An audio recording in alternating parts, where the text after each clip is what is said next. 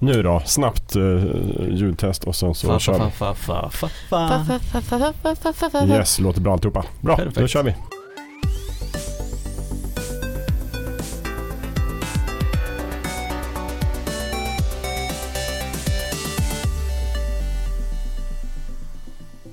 Ska jag leda eller? Det är jättegärna. Ja, Då jättegärna. gör jag det. Välkomna till. Fulkultur! Yay! Yay! Det är idag Amanda och Gustav och Jakob som är här. Efter lite teknikstrul så stämplar vi in. Men det är det fina med strömmande eh, ljudformat att man kan ju lyssna lite när man vill. Man hör ju inte allt den här Just det. timmen Precis. som vi har gått igenom Just av när vi det. har försökt få mickarna att funka. Vi har Du- inte du behövt ta med hela klippa. vägen. Mm. Mm. Mm. Precis, Härligt. allt är borta. Och det passar ju så bra för vi ska ju prata om strömmande tjänster idag har vi Ja. tänkt.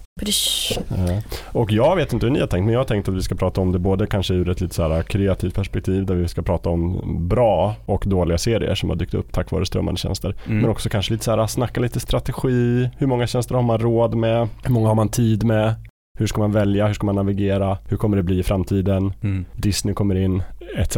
Bara spåna lite, typ så, vad tror ni om det? Ja, det tycker jag låter bra. Verkligen. Allt från businessmodeller till eh, originalserier. Precis, och vilka liksom autörer kan Netflix och HBO ge så mycket pengar att de får göra sin, sina drömserier Ja. också, Mm. kommer vi komma in på. Men först, enligt tradition, Oh boy. vad har ni gjort sen sist? Ska jag börja? Ja, börja du. Jag har gjort mycket ändå.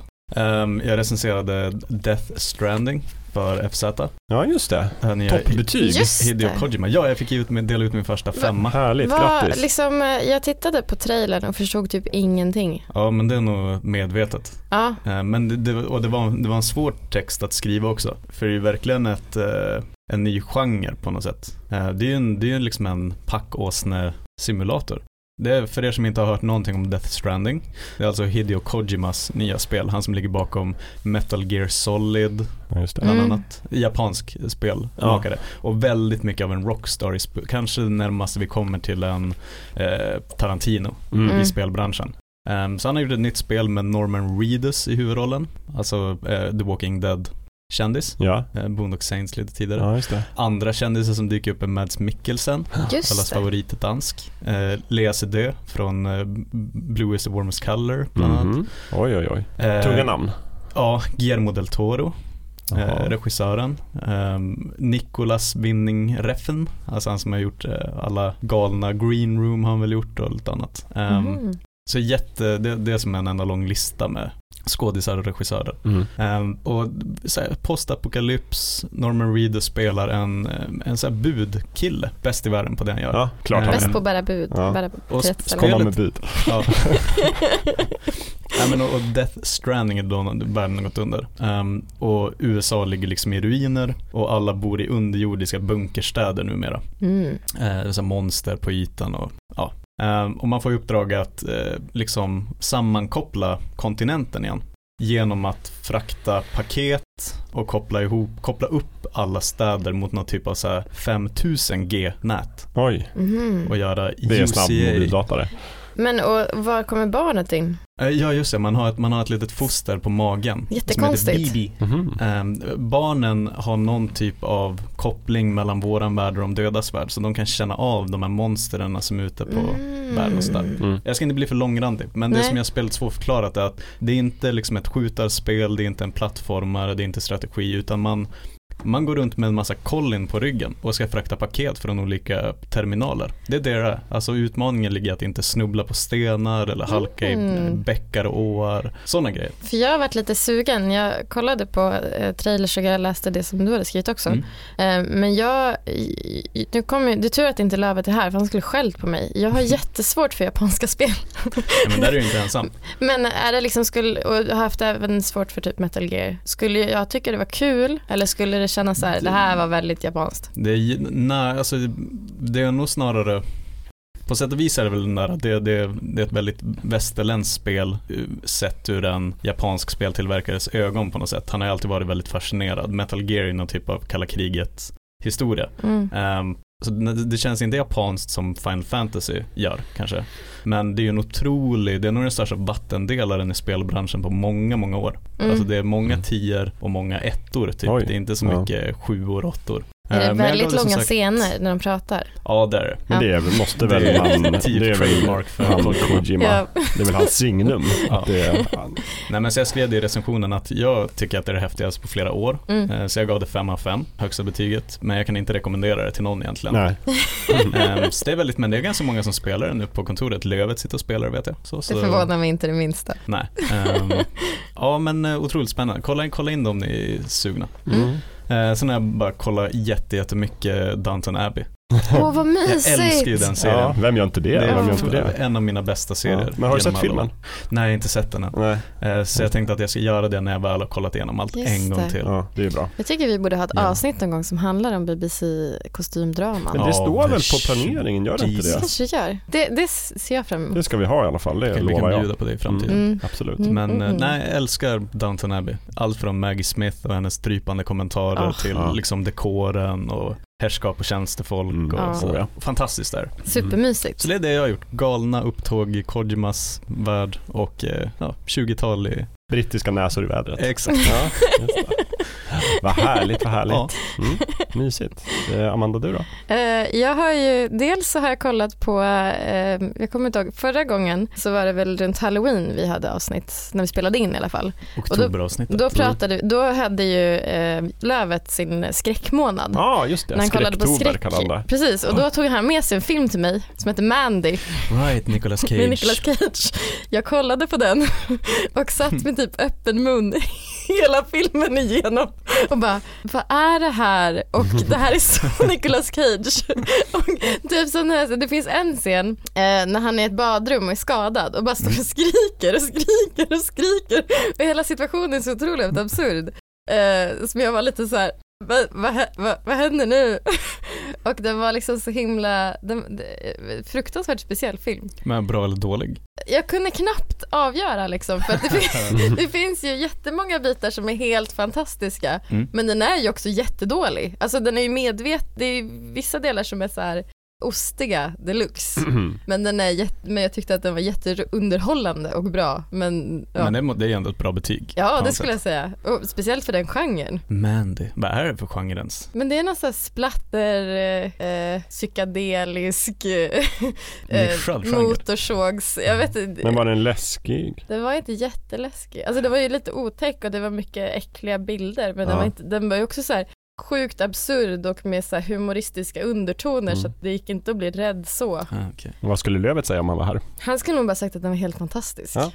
Ja, det vet jag att han har sagt utanför en mikrofon också. Mm. Men Ja. många säger att det är Nicolas Cage bästa roll på evigheters. Stämmer det i alla fall? Alltså det beror väl på vad man, alltså han är väldigt Nicolas Cageig på ett helt annat, jag kanske skulle typ, vad heter det, Orkidétjuven, tycker jag kanske han har gjort en bättre Mm. eh, roll i, men den är ju mer, den är mer Seriös. seriös. Ja. men han är ju fantastisk, han får ju verkligen blomma ut i den här. Ja, det, det Mm. måste, jag ska sätta upp den på listan. Ja. Helt klart. Du, jag kanske kan lämna vidare den till dig. ja, pass it around. Det är en Blu-ray du kan ge vidare. Just det, det kanske kan bli en ny tradition i Purkultur. Mm. Att vi delar eh, plastskivor med varandra. Ja. Ja. Mm. Annars har jag fått se på mer skräck än vad jag brukar. Eh, för det har kommit in en person i mitt liv som tycker det är jätteroligt med skräck. Jag brukar hålla mig undan för skräck för att jag är så himla harig. Eh, så här, skriker för typ allting. Folk brukar bli räddare av mig när jag tittar på skräck mer än, än, än liksom av filmen. Ja. Eh, så just nu så håller jag på att plöja igenom eh, den här The Mist, eller Dimman. Ah, Stephen King. Mm. Som en liten, ja men det här är en typ miniserie Mm. Mhm. som finns på Netflix. Eh, där de, jag har kommit typ kanske halvvägs eh, och då är det den här dimman som kommer över en stad. Och sen så alla som går ut i den här dimman typ blir splatter. Och, är köttfärs. eh, köttfärs och typ dör på massa konstiga och olika sätt. Mm. Mm. Och då är det att de har liksom, då har de bunkrat in sig i olika typer av eh, byggnader här runt om i stan. Ica Köpcenter, kyrka, Mm. eh, någon bensinmack och så vill de såklart ta sig från en station eller ett ställe till en annan men typ inga bilar funkar och den där dimman är jättefarlig. Ehm, och så ja, är det äckliga djur som kryper runt. Mm. Oj, oj, oj. Men, Men det är, men det är samma alltså, som filmen The Mist och boken av Stephen King. ja, precis. Right. Men som en miniserie istället. Mm. Den, jag skulle Wow. säga att den är, den är en klassisk så här, bra men inte, alltså det är inte det bästa jag sett men den är definitivt bra och Mm. jag börjar vänja mig mer och mer med någon typ av skräck.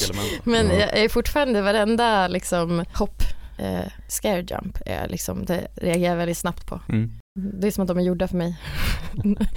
Kommer du fira, kommer du fira skräcktober nästa år? Nej, ja, det kanske skulle vara med bullskräcktober då, att jag kombinerar Kombinera. bullätandet med skräckfilmer. Ja. Jakob då? Jag har kollat på raka motsatsen till skräck. Oh. Jag har kollat på en eh, miniserie från Hulu, fast den går på typ via Play tror jag i Sverige om man vill kika på den. Eh, som heter Fyra bröllop och en begravning. Four Mm. weddings and a funeral. Och ja, det är alltså en, eh, en miniseriesering av Richard Curtis, långfilm från 94. Då är det som att vi har gjort samma samma, grej, sak. Fast, fast- Ja, ja men verkligen. Eh, ja, men de, det, är en, det är en miniserie i tio delar Okej. som är liksom basic, alltså på samma, ni vet eh, att Showtime gjorde typ Fargo, tv-serien. Ja. Mhm. Som var lite såhär, det var inte bara en fortsättning på Fargo utan det var ju lite grann av en såhär best of mix av typ Bröderna Coen. Så man drog in jättemycket cues från typ, eh, vad heter den, No Country for Old Men Mm. och allt möjligt som de har varit inblandade i. Lite så här andlig uppföljare. Ja, precis. Men något lika sätt. mycket liksom en hyllning till regissören. Ja. eller regissören av Bröderna Coen som det är en faktisk upp- uppföljare. Och precis så är den här tv-serien också. För eh, alltså Richard Curtis är ju med och producerar den. Mm. Mm. Men eh, det är lika mycket som liksom, man, han har plock, verkligen plockat från inte bara en fyra bröllop och en begravning utan man kan se tydligt inspirationen från liksom Notting Hill. Mm. Yesterday. Ibland är det rena hommage-scener där man liksom wow, och de bor ju i Notting Hill naturligtvis. De Ja, här de käcka, trevliga Oh. brittiska personerna som har otroligt. sina kärleksrelationer och sina missförstånd. De och, och det är samtidigt jättemycket Love actually i den. Det är lite Mm. samma stämning i den här att det är väldigt många plottar som pågår samtidigt runt alla huvudpersonerna. Och eh, det är också faktiskt väldigt mycket Yesterday lite granna i den också. Alltså man ser karaktärerna så här, och där är den karaktären från Yesterday fast spelas av en annan skådespelare men har samma pappa. Och liksom det är väldigt mycket sån igenkänning. Men shit, det låter ju. Gillar man Richard Curtis och romantiska komedier så är det fenomenalt. Mm. Det här ska jag sätta Hatar man det? Om. Lövet satt här så skulle jag säga men jag tycker inte om romantiska komedier. Då, då är det kanske ingenting för, för Men han tycker inte om någonting som är roligt. Åh, Han tycker inte om någonting fint. Jo, jag älskar godis Men, men jag tror inte att det är en serie för honom. Men däremot tror jag tror att det är en serie för er. För att den var Ja, väldigt, verkligen. väldigt, väldigt trygg. Eh, jag tror inte en enda riktig överraskning. Det var inte så här wow vilket grepp någonstans överhuvudtaget. Men det var heller inte det jag ville ha. Utan det var lite samma känsla som att kolla kanske på Downton Abbey. Att så här, väldigt mycket igenkänning, roliga brittiska one-liners, gulligt. Men man Eh, kanske kan göra det som sin egen adventskalender fast inte hela, äh, liksom, inte hela december eftersom det inte är 24 avsnitt Ja, utan det är men det 10. tror jag är ganska bra. Så här, ta dem, ja, varannan, eller, dag, varannan dag avsnitt kanske. Kör så, eller bara på ett svep Play. eller vilket som. Det där kommer vi kanske in på, så här, hur man ska lägga upp det här binge-tittandet. Mm. Men eh, för det är hon, eh, hon som är med i den här eh, påkostade fantasy-tv-serien Game of Thrones, Ja. om ni har sett den. Där är det en person som är typ bästa kompis slash rådgivare till eh, hon Khaleesi, Mm. Queen Ja. of Dragons, Mm. Breaker of Chains. Just det. Emilia Clark, eh, som jag inte kommer ihåg vad hon heter, men hon som är Miss Sunday. Miss Sunday. Det är hon som Mm. spelar huvudrollen Ja, okej. i Fyra bröllop Mm. Hon Hon jätte- och hennes jättebra. kompisar och det är naturligtvis ett Gud, vad kompisgäng, det förstår ni ju. Ja, ja gud Och sen är det deras partners och lite andra löst folk och sådär. Och så hänger de ihop på något sätt där. Ja men precis och allt utspelar sig i London, i Notting Hill-området såklart och det är liksom Är det vinter också? Ibland, Får jag bara flika in med världens konstigaste kuriosa? absolut. Trevor Jones, Ja, eh, filmkompositören som gjort det fantastiska soundtracket i Den sista mohikanen. just det. Han har också gjort musiken i Notting Hill. Jaha, tv-serien? Jaha. Nej, filmen. Filmen menar jag? Ja. Jaha, Nämen. wow. Häftig Men den instrumentala musiken eller? Ja, och sen vet jag inte om det är han som har För valt. Elvis Costello där är ju med och sjunger en, Mm. sin tolkning av She som inte han har skrivit men som är med. Och den är så bra i den Ja. filmen. Verkligen, och det är där när Hugh Grant går det här Precis. varvet och det blir olika årstider. Att han tar på Just sig jackan och sen så, och exakt samma eh, scen har de i tv-serien. For Åh, Weddings jag and a måste Funeral fast med på en annan karaktär. Men de har verkligen så här, samma scen kör de bara. Det är jättekul Men finns det en tydlig liksom Hugh Grant-karaktär? Hmm. Eller är det liksom ett Är Hugh Grant med? Nej, Hugh Grant är inte med. Eh, och det finns väl ingen riktig, jo en, fast han är inte huvudkaraktären. Det är liksom, Nej. han är mer en sidokaraktär. Men, det men om Hugh Grant skulle vara med, då skulle han få spela den rollen. Mm. Fast, fast om det hade varit Hugh Grant så skulle ju hela serien handla bara om den karaktären. Precis. Så att det är lite skönt att han inte är med. Det här är helt otroligt. Ja, riktigt bra. Åh, den har allt. Jag, jag skulle Det vilja det är väldigt så. så här, tråkigt för jag tror inte det kommer bli en säsong två. Men eh, Det nu, kanske inte behöver det. det Nej. viktigaste då, vad sa du, via play? Eh, ja, För det är ju ändå viktigt att veta. Ja, men via Play, Via. Play. går det att se den Just där det. på. Fyra bröllop en begravning heter den på svenska. Det är nästan som att vi segwayade oss in På temat. på För det där, temat. ja, och det tycker jag ändå kan få vara en segway. Ja. För att ett faktiskt praktiskt problem som man har är ju att det dyker upp, eller jag vet inte, jag får i alla fall jättemycket film och tv-tips, inte bara från fulkultur utan också från typ nätet. Mm. Och då är det alltid så här, ja men vart kan man se den, hur kan man se den? Det var nästan lättare när jag var liten när det bara fanns ettan och tvåan och man Ja. inte kunde se någonting. Och när jag växte upp så var det Pirate Bay. Ja, precis, det var Det är en lättare. del svunnen tid, jag, jag Ja. säger ingenting om nutiden men Nej, Nej. men då ett, en, ett kort tag där i internets historia Ja. fanns det ju ett ställe där man kunde få tag på allt. ja. Ja, men det tycker jag är svårt nu för att speciellt om man får tips, eh, alltså internationella tips eller så här, när man hittar smala serier som man bara oh, nej de går inte att få tag på på någon svensk strömmande tjänst och de går typ inte att köpa heller och så är det så här, då står man där lite grann i valet kvalet så här, ska jag vänta till kanske om tio år när det dyker upp på Netflix eller Ja. vad ska, hur ska jag göra? Det är ett av de, det är ett av de stående, stående problemen. Det är väl det vi kan, ska vi börja att prata om det? Börja med problemen, det tycker jag. Vi kan Sen börja kan vi med problemen. förhoppningsvis avsluta med någonting positivt. Men det är väl just så här att det finns, det börjar ju finnas många tjänster nu eh, och de är verkligen, guldkornen är utspridda Mm. Mm. över olika Amazon Prime, HBO, Netflix och det är ju ständigt, som du säger nu, ehm, om jag ska kolla på fyra bröllop och en begravning, det skulle ju bli min entré då, eller anledning att använda Viaplay Ja, för första precis. gången. Mm. Mm. För just nu så använder jag två andra. Ja. Och det är väl egentligen så jag eh, antar att det funkar för de flesta. Mm. Att man sitter där med Netflix, sen kommer någon och säger åh jag tittar på den här fantastiska serien Chernobyl. Ja. Och så man shit det här låter jättebra, Mm. men den går på HBO. Mm. Och så skaffar man HBO då för att kolla på Chernobyl. Sen glömmer man avsluta den Skulle man prenumerationen. avslutar, mycket pengar måste ju vara för att folk inte tittar, men det tickar på någon extra månad Mm, Mm. innan Precis. stänger av. Ja. Men kan vi inte bara gå varvet runt och bara kolla vilka tjänster vi har Ja. nu? Och så här, vilka vi är spekulanter på, vilka Ta vi har temp. avsagt. Ta tempen, precis. Och du sa att du hade två Gustav. Eh, Just nu så använder jag Netflix och Amazon Prime. Aha. Eh, Och det är väl egentligen de. Jag hade ju HBO, men sen slutade Game of Thrones. Mm. Eh, Sen så kom ju då Chernobyl som jag pratade om tidigare. Just det. Vilket skulle kunna vara en sån eh, braständare igen. Men jag har inte kommit med för än. Så just nu är det Netflix och Amazon Prime. Mm. Ni då? Eh, det, det är bara videoströmmande, eller hur? Ja, precis. Ja, men det, Ja. ja, exakt. Spotify Det är har ändå- jag såklart. ja. det, men- Ja. Ja, nu har jag väl kommit upp i, jag har Netflix eh, och jag har HBO och jag har Viaplay och jag har Amazon Prime. Fyra och stycken. jag börjar tänka på att jag ska skaffa More för att det är där senaste säsongen av Peaky Blinders finns. Ah, just det. Japp. Som inte finns på Netflix där alla andra säsonger finns. Men det kommer, det tar bara Mm. tid. Mm. Ja, jag har ju Netflix, HBO, Amazon Prime, Mm. eh, Apple TV Plus som jag precis har börjat med. Den är ju gratis ett år för mig men Mm. eh, ja, jag har den. Och sen då har jag ju haft Viaplay, fast nu har jag slutat den. Jag vill ju bara Mm. kolla på fyra bröllop. Och sen så har jag ju haft C More för jag vill ju bara kolla på Beverly Hills. Ah. Rebooten. Men där är också så här lurigt för där, eh, Fyra bröllop är ju, släppte de ju alla tror jag. Så man kan kolla. Eh, om man har samlar dem så kan man ju kolla igenom dem på gratisperioden. Mm. Men Beverly Hills var, var ju så att jag följde avsnittet och släppte dem ett i Varje veckan. vecka. Då var de ju Ah, såklart planerat så att man kunde ha alla. längre. Ja. Ja. Och då får man vänta med att skaffa eh, tjänsten tills hela säsongen finns ute. ja men precis. Om man Då får man ha lite is i magen också. Men jag har ju också haft, jag, jag, jag har också haft, jag testade en annan tjänst som heter Gaysnet eh, ett tag som är så hbtq-filmer och serier. Mhm. Det, hela tjänsten är liksom regnbåge, en enda stor regnbåge. Eh, men det kändes, det kostade också typ 99 kronor i månaden och var rätt, det var liksom ändå rätt skralt utbud och mycket filmer som kanske inte höll den högsta kvaliteten. Ja. För de hade bara skramlat ihop liksom allt där, där hbtq-representation finns med. Typ. Mm. Eh, Så den, den slutade jag med sen för att det, var, Mm. det kändes som att jag liksom aldrig skulle hinna eller lyckas titta på den. Jag har ju YouTube också kom jag på. Om Ja, det, YouTube det får väl räknas. Ja precis. Och det har jag ju egentligen bara för att jag ska kunna eh, skippa reklamen och lyssna på den utan att skärmen är på. Men, Men eh, originalinnehåll. där har de ju även tv-serier. Så jag har ju sett den här Cobra Kai till exempel. Börjar ja, det också serien. Ja. Eh, Men nu, jag, har ju, jag skulle ju inte behålla YouTube om jag, jag har ju, betalar ju inte för tv-serien om man säger så. Jag Men där betalar är ju för att slippa reklamen.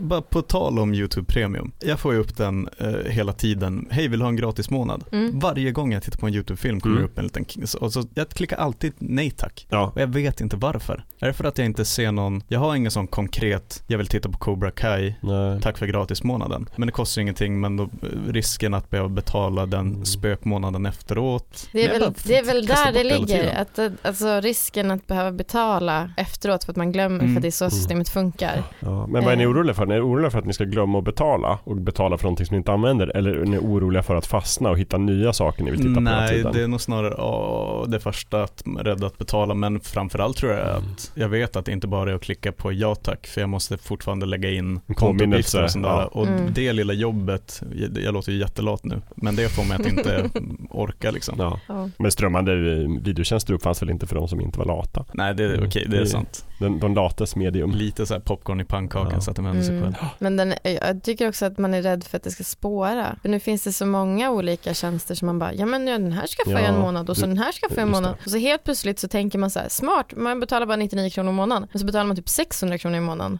För att man har tänkt sådär, så Många bäckar små. Många Ja. små, ja Mm, precis. Verkligen. Men för mig är det också sådär, jag är ju medve- jag är ju tyvärr fullt medveten om hur mycket jag betalar för varje tjänst och att jag eh, inte säger upp någon någonsin. Mm. Så att, men för mig är det verkligen så här, särskilt HBO är ju suveräna på det där. Att jag kollar igenom en tv-serie och tänker nu är jag äntligen klar med HBO, nu ska jag liksom ta paus. För den hänger lösast, alltid. Men de får mig ändå varje månad för att de alltid släpper någonting nytt som man vill se. Mm, Det finns alltid, nu har de precis börjat med Watchmen och jag tycker tyvärr att den är jättebra. den är jättebra. Så att, vad ska jag göra? Ja, jag får väl betala. Men det där måste ju vara jättemedvetet. Det är klart, det tror jag. Mm. De, eh, de vet vad de håller på med. släpper grejer. Men just för HBO, om man pratar om så här, där är ju appen så fruktansvärt dålig. Så den hänger typ alltid löst på grund av det. Mm. Men så kan man ju inte annat än att ge dem att de har jäkligt bra innehåll.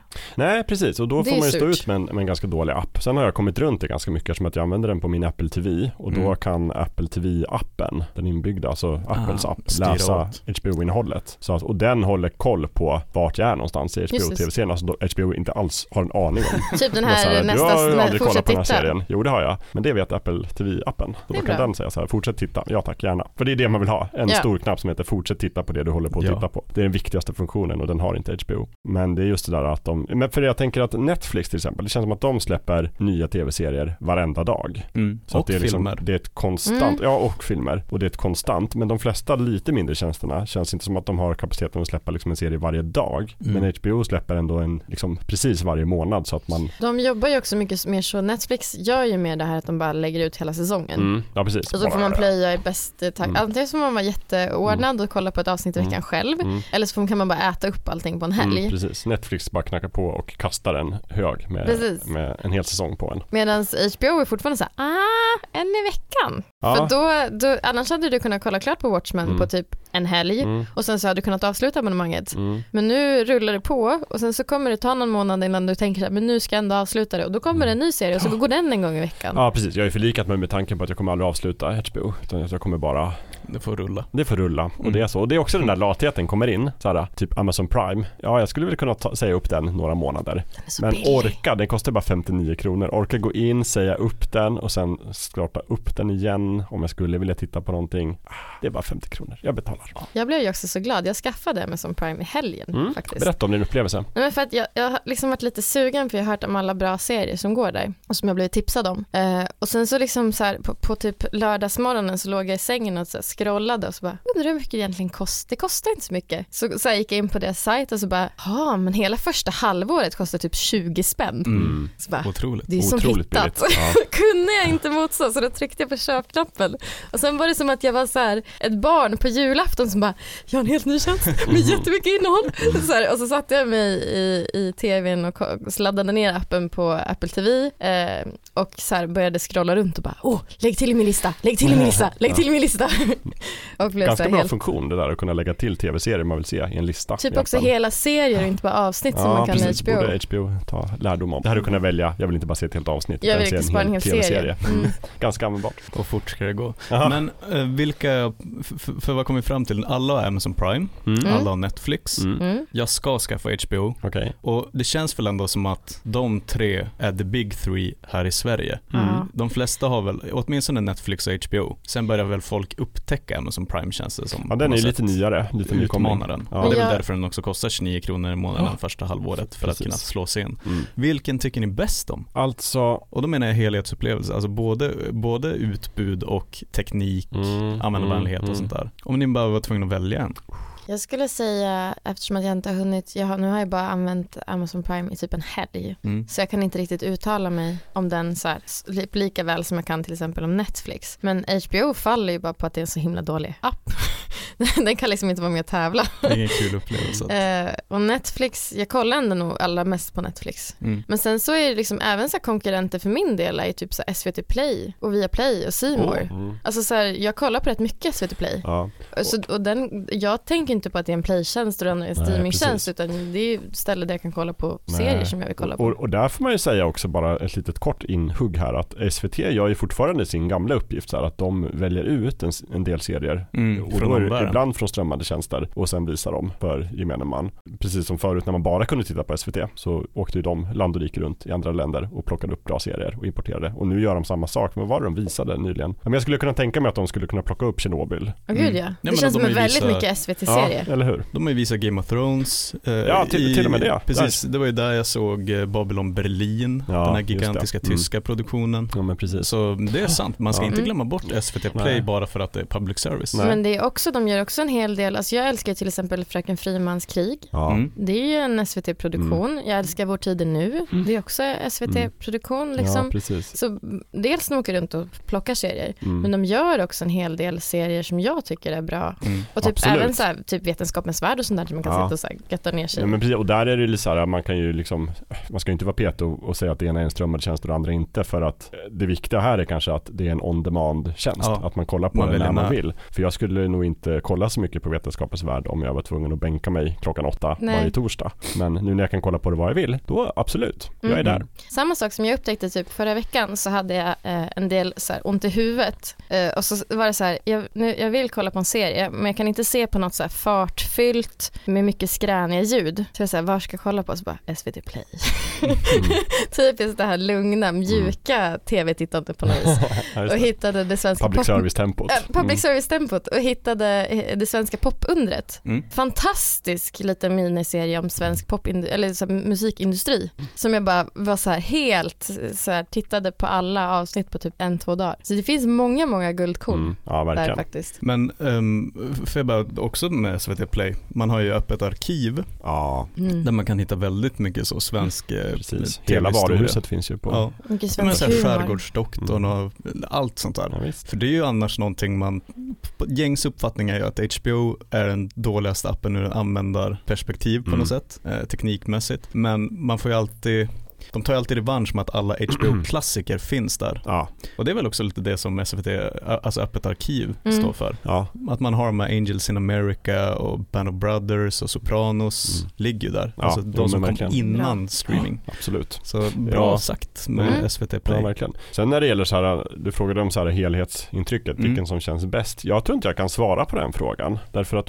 för det första så tycker jag ingen app är bra. HBOs är sämst, men ingen är bra. Tycker Mm. du inte Netflix är bra? Egentligen så tycker jag Netflix är ganska bra. Mm. Men de förstör ju sin egen app hela tiden. De börjar ju trycka in sån här reklam mer och mer. De, har Mm. try- de lägger in konstiga förändringar hela tiden som jag bara säger sluta, ni var liksom ganska bra till. Det har blivit sämre. Ja. Jag blir så arg för det är så onödigt. Lite så här att de gör flashiga grejer som man irriterar sig på efter två ja, minuter. precis. Men vadå, vad är det för nya saker som hänt som Jag ni har bara så eh, stört er Den på? autospelar Ja, reklam autospelar direkt reklam så fort jag ens tänker på, net, på Netflix och tvn är på så Alltså börjar när den man visa startar trailers. så visar Ja. en trailer. Det är lite Man kan inte bläddra runt och se för att den bara så här kastar trailers på mig och det Ja. gör ont. Också, man kan inte heller så här stanna och sen prata med personen man ska Nej. välja avsnitt med för att den där, då måste man sänka volymen. Mm. Det är sant. Mm, precis, och den har blivit den här sidofältet som man nu fäller in genom Mm. att svepa med den här kontrollen som inte går att använda. Det är inte Netflix fel, men det är Apples fel. Kontrollen går inte att använda. Men man svepar ju alltid in fram panelen av misstag. Mm. Och sen så ett, tu, tre har man växlat användare och sen så, jag vet Mm. inte, den var bättre förut. Det var bättre förr. Det var bättre förr. Och Säg- grejen är, sen så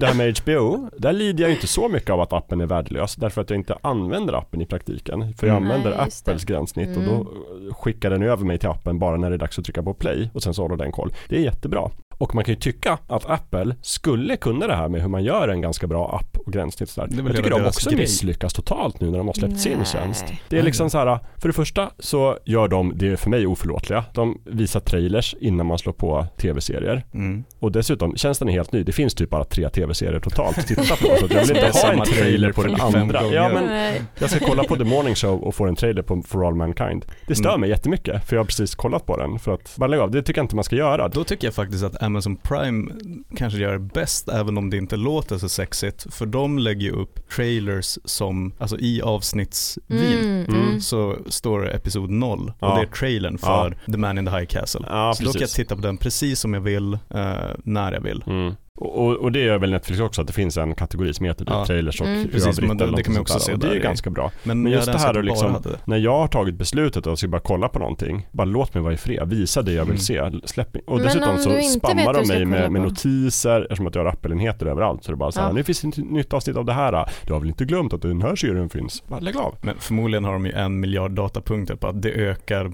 tittandet Ja. Ja. markant. Ja, visst. Att man ser en trailer och så tänker man det där. Men, Förmodligen. Jag fick eh, precis till exempel notis om att det finns ett nytt avsnitt av Silicon Valley i Apple TV-appen på HBO. Ja. Tack för den informationen, men jag visste det liksom. Det inte... Men hur gör du då? För att, eh, tittar du någonsin på Netflix när du inte vet vad du ska kolla på och typ leta runt? Oerhört sällan. Ibland gjorde jag ett försök. Jag gjorde det här igår kväll förresten. När jag inte ville gå och lägga mig. Så jag låg med iPaden, öppnade Netflix-appen, bläddrade runt lite på måfå och tänkte så här, ska jag se om jag hittar någonting att hitta på. Jag hittar ingenting. Mm. För det gör jag jätteofta. Jag kan, Ja. sitta, jag kan sitta i typ en kvart och bläddra och bara, den här då? Och så, och så vänder jag några sekunder så kommer trailern så jag Mm. slipper klicka och klicka, klicka, klicka. Mm. Och så får jag se trailern och så bara, ah, den kanske verkar rätt bra. Ja, Jag tittar på den här andra också så, och så Just väntar det. jag några sekunder och så börjar trailern och så kan jag titta och så bara hmm och så kan jag bläddra vidare istället för att jag ska bläddra in, bläddra Ja. ut, bläddra in, Men det bläddra kanske är ut. jag då, det kanske är mitt fel för jag kommer aldrig så långt som till trailern eftersom att jag liksom bläddrar bort den instinktivt nu när den hela tiden kastar upp en trailer så Mm. fort jag ens liksom, ja det kanske är det. Men är inte det där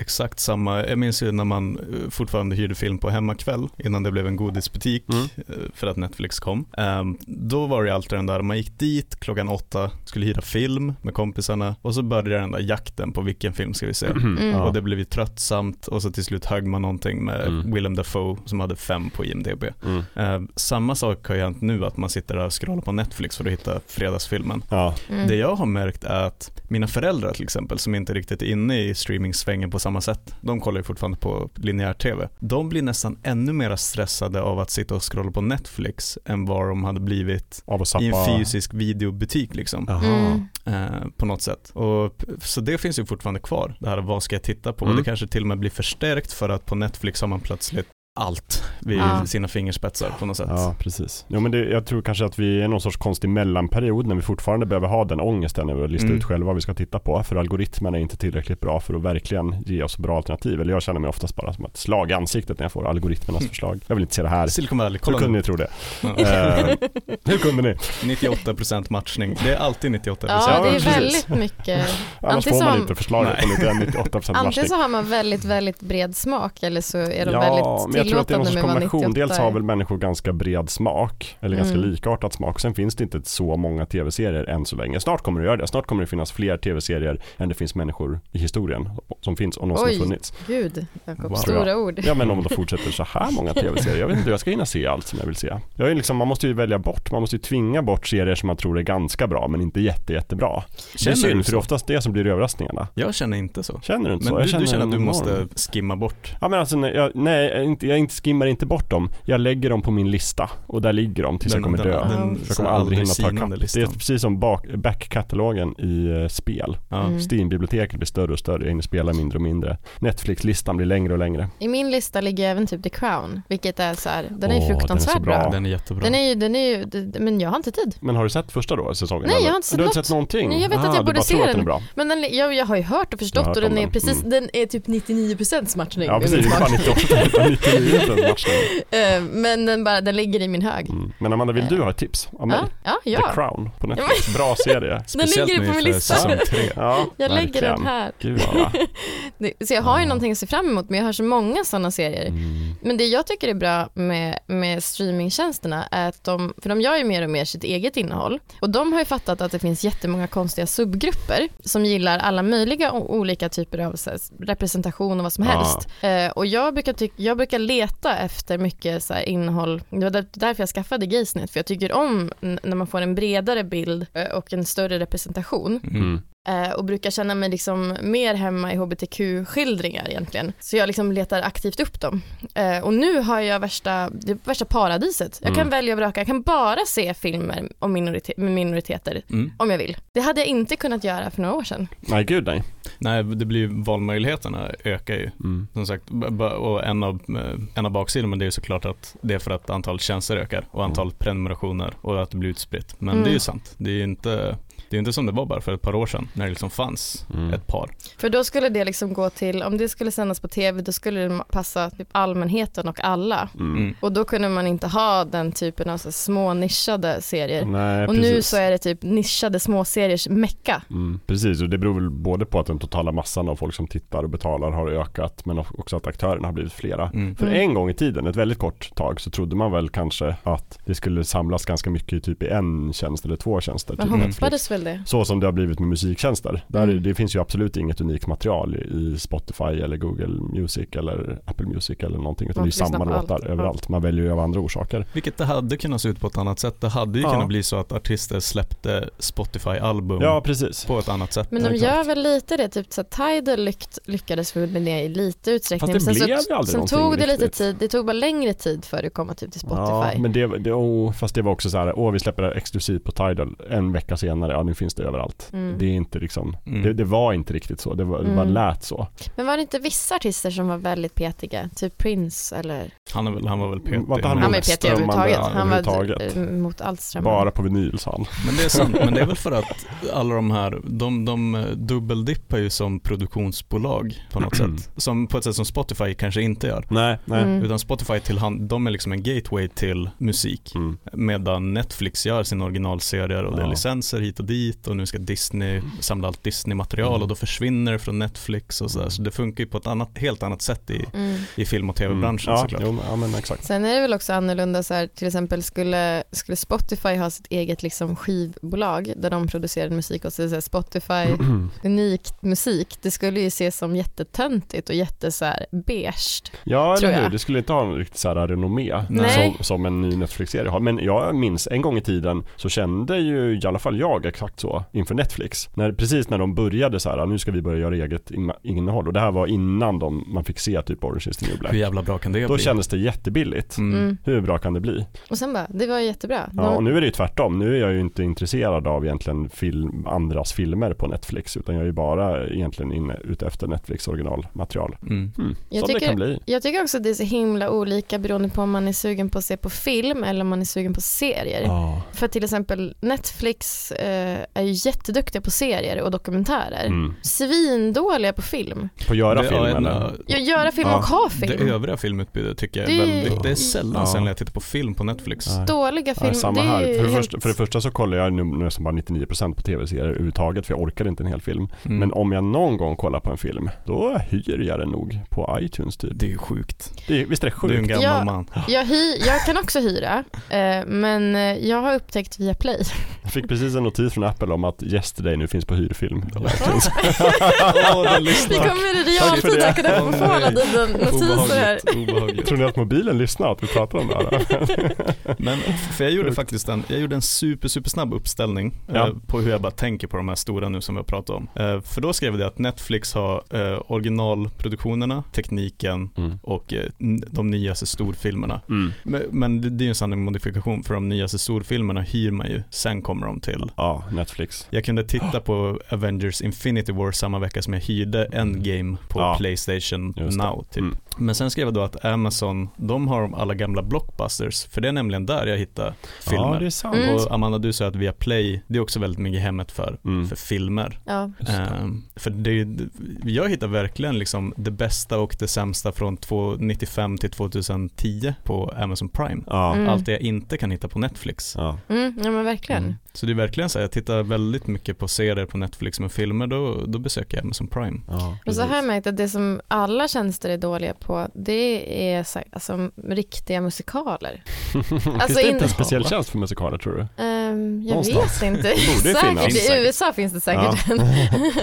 Men liksom så, alltså klassiker som typ så här Hair eller Jesus Christ Ja, Superstar nej. eller Vita eller så Ja. alltså den typen av Mm. musikaler finns inte på någon strömmande tjänst. De, det finns en del att köpa i typ iTunes store. Mm. Men eh, där är det också ja, halvskralt. Mm, precis. Ehm, Men då, och då är det ju mer att man köper den liksom. Mm. mm. Det, är ja, Det som finns på Netflix är typ så här Emo the Musical. Jag tycker det är lite, lite, lite hemskt att inte alla filmer åtminstone finns att köpa online. Ja, jag Alltså det haft behöver inte finnas alltid på Netflix hela tiden. Men varför finns inte allting att betala pengar för? Mitt eh, värsta är ju Cabaret. Finns inte. Den finns inte. Jag har fått köpa den för 10 kronor på typ Myrornas Mm. DVD Ja. för att kunna ha den överhuvudtaget. Ja, för det det. finns inte på en enda strömmande Det är tjänst. helt vansinnigt. Och den går inte att hyra. Den är verkligen Man vill inte visa borta. den. Det är så. Ingen ska få se den. Och den är fantastisk.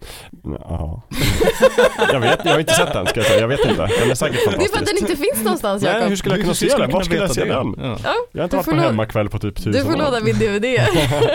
Ja, men, men sen det här med Netflix också som de är bra, de gör ju sina egna serier och det Mm. syns ju väldigt tydligt när de har lagt pengar på någonting för det är ju sjukt bra produktionsvärden. Och nu Men har de så är, fruktansvärt mycket Eh, pengar exakt. att lägga också. Mm. men de är ju också väldigt duktiga på att åka runt jorden och köpa upp så här, äh, små produktioner och Mm. branda det som Netflix Mm. originals. Bättre än kanske, jag vet inte, HBO kör väl väldigt, väldigt mycket på sitt eget. Men eh, vad tycker ni, tycker ni att eh, olika strömmande tjänster är väldigt bra på vissa genrer? Alltså som till exempel, förut sa jag att jag gillade mycket serier och typ dokumentärer på Netflix. Jo Eh, men det tror jag, alltså, Netflix är betydligt bättre på dokumentärer än vad till exempel HBO är. Mm. Där kan man hitta väldigt mycket så här rebax-dokumentärer Ja. som man aldrig har talas om. Mm. Men vill man se de riktigt Mm. eh, så här, eh, högkalibriga dokumentärerna, då är det typ Netflix. mm. Men som jag sa, alltså så här klassiska popcornrullar, blockbusterfilmer, det hittar jag mest på Amazon Prime. Mm. Mm. Och, och då menar jag verkligen de här, alltså du vet, Tomb Raider, Ja, med ja men exakt. Jolie, De, de har ehm, fått en bra deal för att köpa typ upp det. Mumien, Ja. Oh. alla, all den typen. Mm. Du vet ju hur mycket snaskiga, ja, Amanda och ja. jag tycker om eh,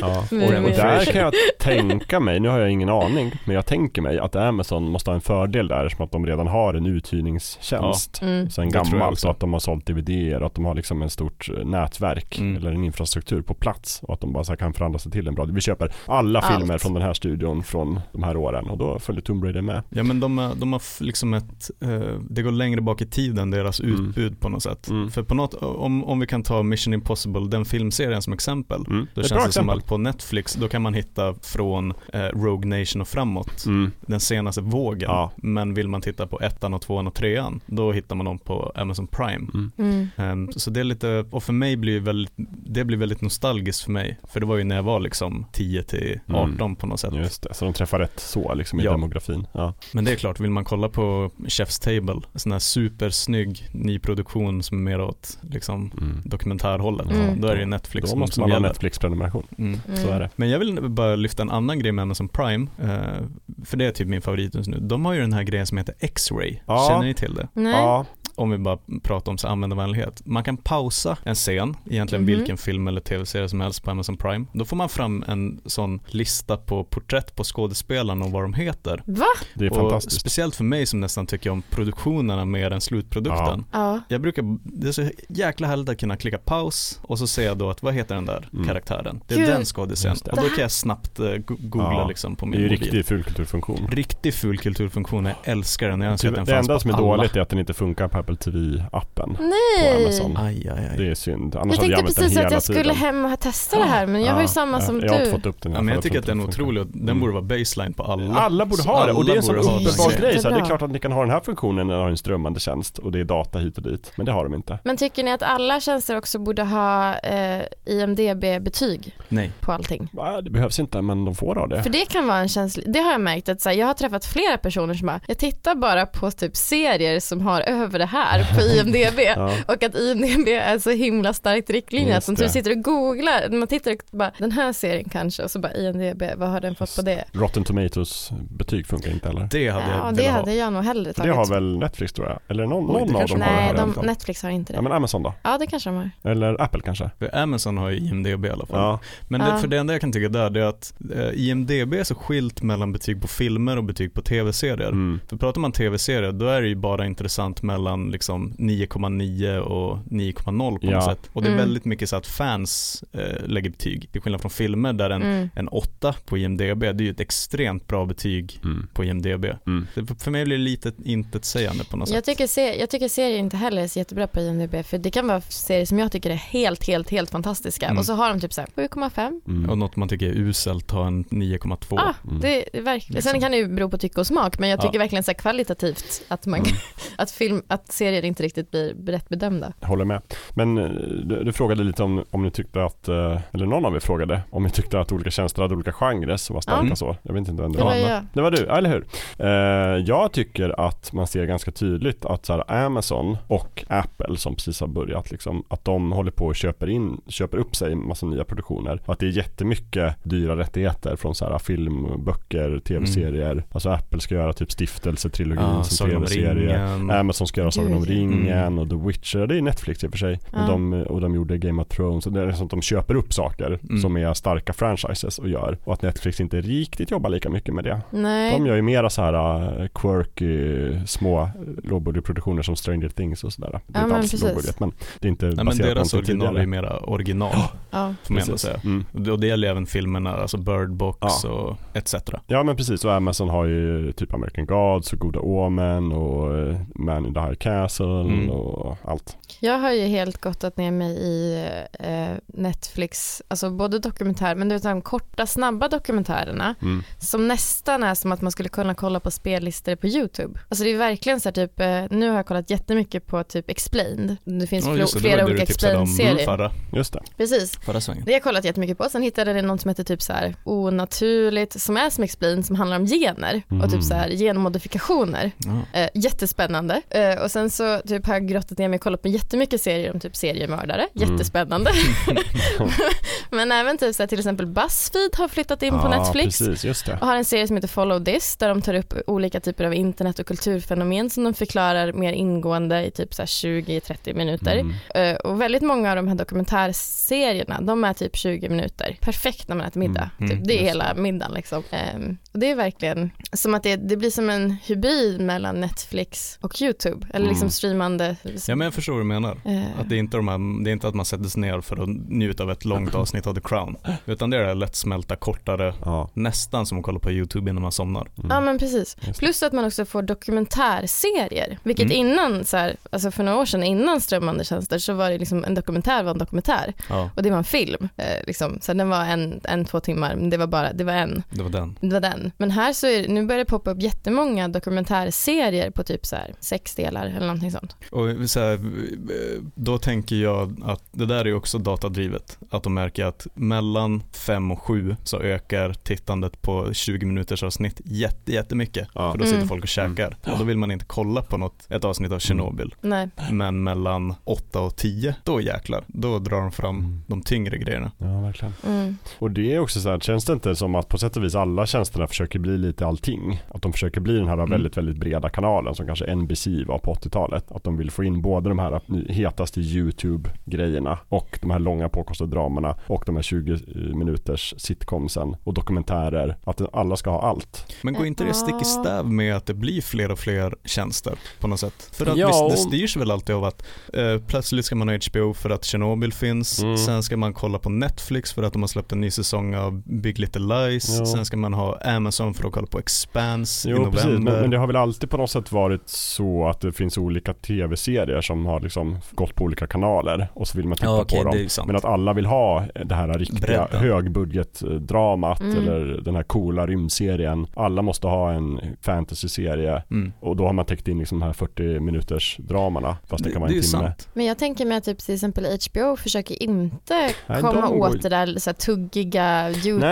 YouTube-aktiga, Men det snabba. jag tänker att det mera går i linje med deras tidigare brand. Ja, ja, de alltid har verkligen. varit så här, det här är Långsamma. inte riktigt tv, det här är HBO och det är skitsnyggt och vi kommer svära jättemycket. Och det tar lång tid. Mycket Ja. naket. Ja, Mycket precis. naket. It's not Ja. TV, it's HBO som de brukade säga. Ja. Och nu är det inte tv heller. Kan det göra någonting mera med Alltså att den kampen kanske syns tydligare mellan Amazon och Netflix för att det är de här extremt stora företagen bakom eh, som tjänar jättemycket pengar. Ja. Att de lite mer tävlar om samma crowd. Men det tror, det, så kan det absolut vara. Att de, dels Mm. har de ju de här jättemycket pengarna som de kan använda och sen så är det lite grann att de försöker gå på Netflix som är den här stora breda. Ja. Men också att de liksom har sån himla, de kan bara pumpa ut serier i flera år bara för att bygga upp en användarbas. Så, så är det ju, det är sant. Men sen är det väl också så här, HBO har ju liksom en annan renommé. De har ju, de har ju så många år på nacken och de har varit inne i den traditionella tv. Mm. Men både Amazon och Netflix är egentligen så här, Barn av sin tid. barn av sin tid och Ja. också Netflix har ju varit alltså, distributörer. Visst var det de som hade eh, Love Film, alltså innan? Mm, jag tror För det var det. ju, alltså när jag var, Eller alltså det är runt väl samma 20. företag som, som fick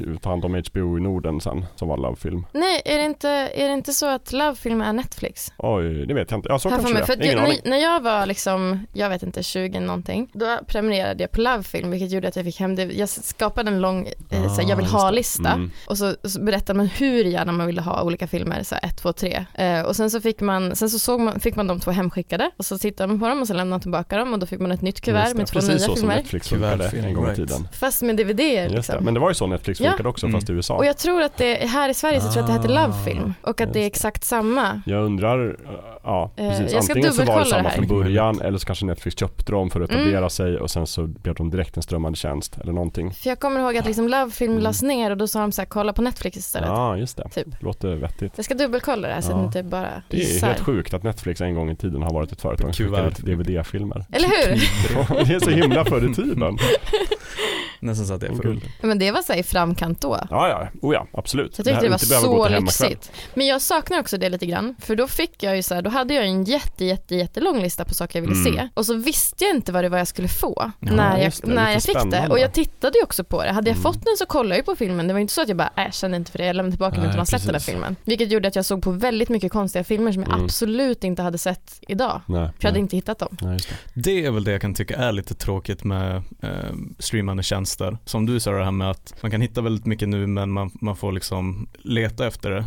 Att det är såklart det som pushas på första sidan det är ju det som de känner har bredast eh, reach liksom. Mm. Mm. Och att det verkligen blir så här att Bird Box med, blev en snackis med Sandra Bullock. Då ska vi bara skjuta ut den till alla. Just det. Och nu finns det en ny säsong av Chef's Table Ja, eller Stranger Things. Alla som har HBO ska kolla på Game Mm. of Thrones Mm. att det blir väldigt mycket den gre- alltså paradoxalt nog när man har tillgång till så mycket innehåll så är det svårt att hitta precis det man letar efter och då Mm. hugger man det som finns närmast Mm. till hands på Ja. något sätt. Eh, så det är lite så här gåva och förbannelse. Mm. Men att det, är, ju inte samma att man bara hugger någonting som man inte vet någonting om. Nej. Om man nu inte applicerar typ surdegsmodellen som jag pratade om tidigare, då hittar man skit. Men man måste ju verkligen, man måste ju göra det extra steget för att pusha Mm. sig själv. Men det är ju Mm. samma sak med Ja. Spotify. Man lyssnar ju mycket på det man känner till. Ja, Ja. Så, så är det ju såklart. Och det tänker jag också att, att många av de här tjänsterna är ganska duktiga på att använda för att de plockar upp gamla kända regissörer Mm. eller så här, eh, ja, som har gjort tidigare tv-serier. Ja, men jag hade till exempel aldrig, när jag prenumererade på Love Film, eh, då konstigt nog så liksom tryckte jag hem en film som var så här, ka- alltså musikoperan Carmen Ja. på klickspråk. Mm. Det hade jag aldrig någonsin hittat och tittat på på Netflix. Hur var det? Det var jättebra. Ja.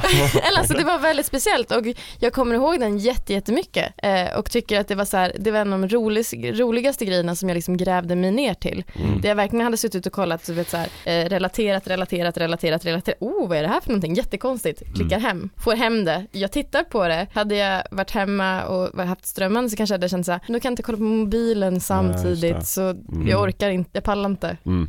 Vad, vad eh, tror ni om Disney Plus då? Ja, det måste jag prata om. kommer, man hör liksom, man kan lägga örat mot marken och så hör man stampet och det är inte en elefantljud utan det är Mickey Mouse Ja. som kommer med alla sina pengar och hela sin back catalog. Åh Hercules. Och din favorit Hercules. Och Aladdin. Precis, och alla de andra förstås. Men det här är ju så nytt och fräscht. Kan vi ta det från grunden? Mm. Disney plus. Mm. Vad är det Jakob? Eh, Det är en strömmande videotjänst. Och vilka är det som gjort den? Disney.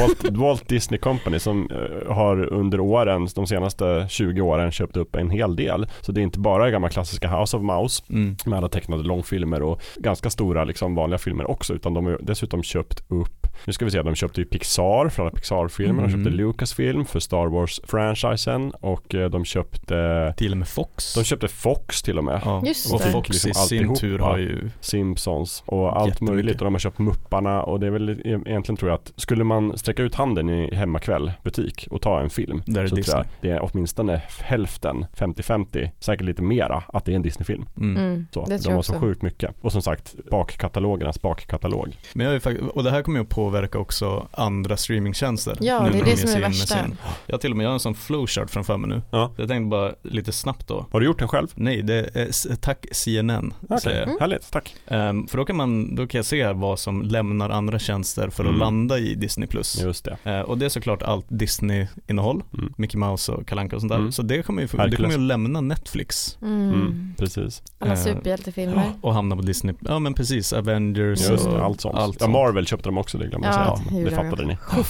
Ehm, så det sticker till Disney+. Plus. Det är egentligen det enda som tar där, men det är andra grejer som händer framöver också. Ehm, Seinfeld blir Netflix exklusivt, Just vad det. verkar framöver. Mm. Eh, The Office sticker från Netflix Mm. i samma veva. Mhm. Eller i samma veva vet jag inte. Ehm, sen är det ganska mycket som kommer till en ny tjänst som heter HBO Max. Vi har Ja, HBO det. Nordic Det är lite här. lurigt det där med HBO, Och vi för de vet vet ju ju knappt inte- själva vad de är. Precis, och det är alltid den här grejen att vi vet ju inte när och hur saker kommer till Sverige. Nej. Det är ju en väldigt stor grej med Disney Plus nu att det Mm. släpps i USA och Kanada. Mm. The Mandalorian släpps ju nu samma vecka som vi spelar in det här. Ja, Den här nya stora Star Ja. Wars-serien med Pedro Pascal. Det kommer ju inte till Sverige. mm. Eh, Det är ju fruktansvärt. Det är som att de ber en Jättekonstigt. göra olagligheter nästan. Ja men så här, kommer säkert släppas, jag, jag har hört något datum typ om april eller något sånt där. Mm. Vilket är om ett halvår, men det är också så här, det är en evighet på internet. Ja. Det är inte Mm. som att folk, svenskar, inte kommer kolla på The Mandalorian imorgon om den släpps. Alltså Nej. torrentsajter kommer att gå varma. Mm. Eller så är det någon väldigt dålig lobbyverksamhet med. VPN-branschen. Ja men precis, Ja. någonting sånt. För det har alltid varit en grej också med sådana här streamtjänster att ställa om så att det ser ut som att man är Mm. i Någon USA. annanstans. Precis. Men det, det, det, blir kan ju,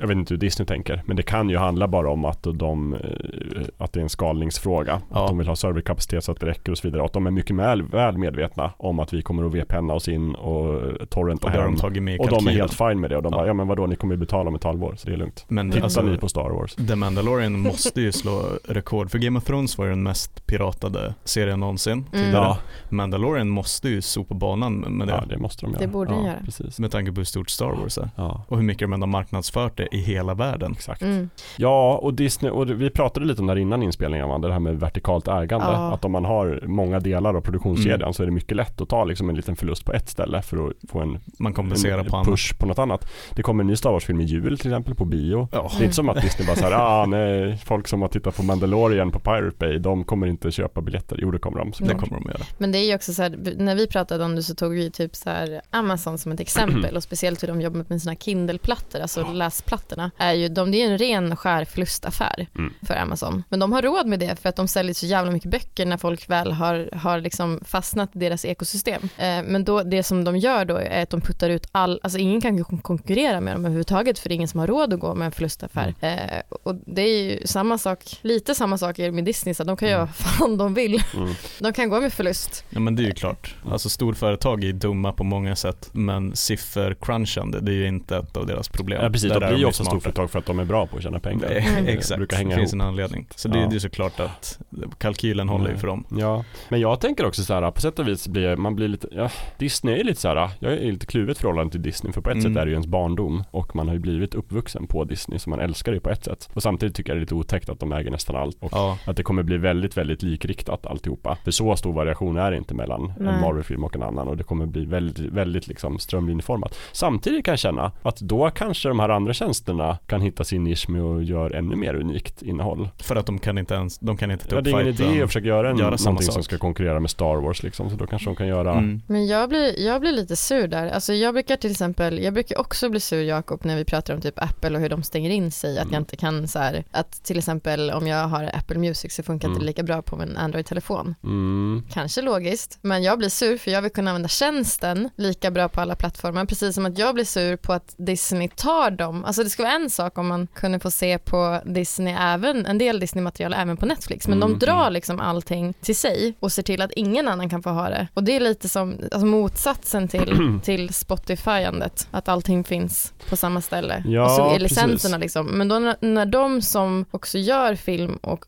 serier tar allting till sig, Mm. så blir det liksom helt, Ja precis. man tycker det- tvingas ju ha. Precis, jag tycker det märks en ganska stor skillnad mellan de här aktörerna som, är, som inte har någon hårdvara kopplat till sig, som är Mm. typ kanske Spotify, Netflix och egentligen Disney. De vill finnas på alla plattformar hela tiden och gör så gott de kan för att det ska funka bra på allt. Sen finns det de här liksom Amazon, Google, Apple som alla har en viss stake i att också sälja grejer och liksom ekosystem och binda in folk och de, där är det oftast lite så här olika vad Mm. man kan titta på var och hur. Och nu när Net, eller Disney skaffar sin egen tjänst, då vill Ja. de inte vara någonstans. Ja eller överallt. Ja, eller ingenstans. Ja, nej, de vill inte vara i andra Nej. tjänster Nej. men deras tjänst kommer ju finnas överallt. Ja, precis, men deras material kommer inte finnas Nej överallt. precis, nej, Det- nej, men så, är- nej men så är det ju såklart. Man låser in sig antingen i Det- sin tjänst vad gäller innehållet. Ja. Men jag kan också tycka att det är lite läskigt när, när företag blir så pass stora som eh, Disney har blivit nu. Det känns ju för mig helt naturligt att man bara kan kolla på Sopranos på HBO Mm. eller eh, liksom den, den typen av grejer. För det är så tydligt att det är en HBO-grej. De har gjort det.